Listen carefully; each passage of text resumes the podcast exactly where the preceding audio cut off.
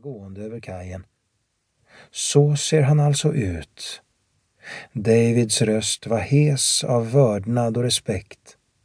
Han såg ut som en skolpojke under det solblekta håret. Det är ju en jävla filmstjärna!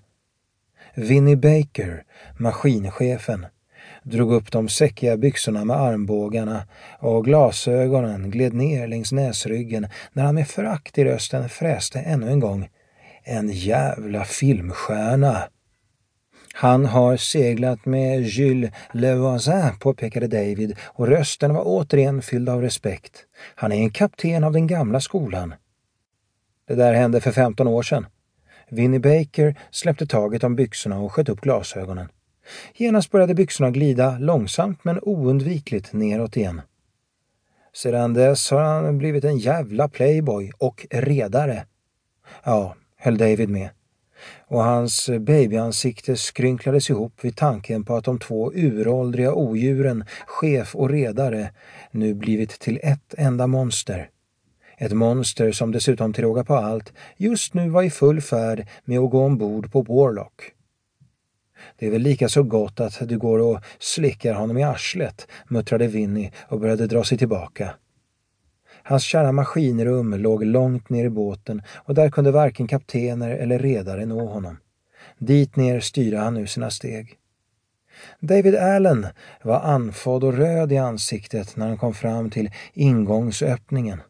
Den nye kaptenen hade hunnit halvvägs upp för landgången och när han klev ombord sträckte han på halsen och såg stint på mannen framför sig.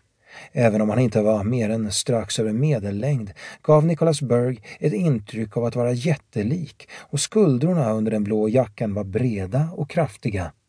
Han var barhuvad och hans hår var mycket mörkt, mycket tjockt och bakåtstruket från en slät panna.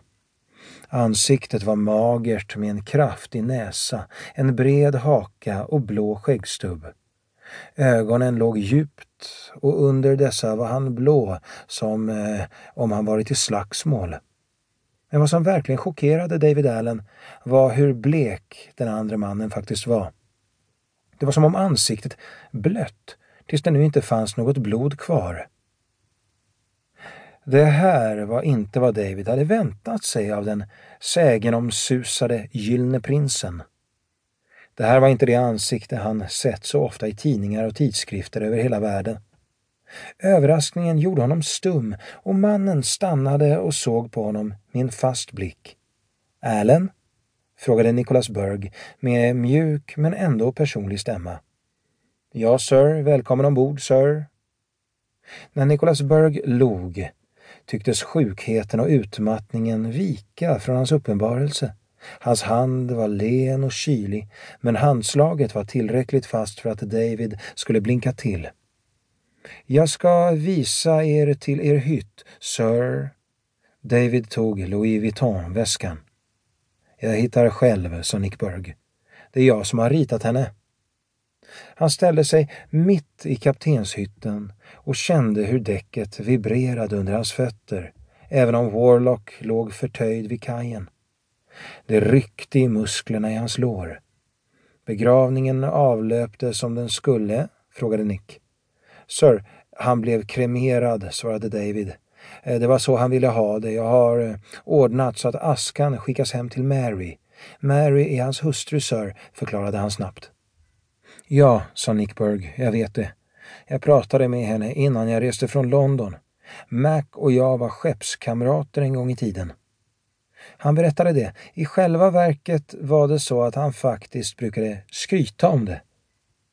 Är hans saker bortforslade? frågade Nick och såg sig omkring i hytten. Ja, sir, allt är packat. Här inne finns ingenting kvar. Det var en bra kar. Nick gungade till på nytt och såg längtansfullt på britsen. Men istället gick han fram till gluggen och såg ner på kajen. Hur eh, gick det till?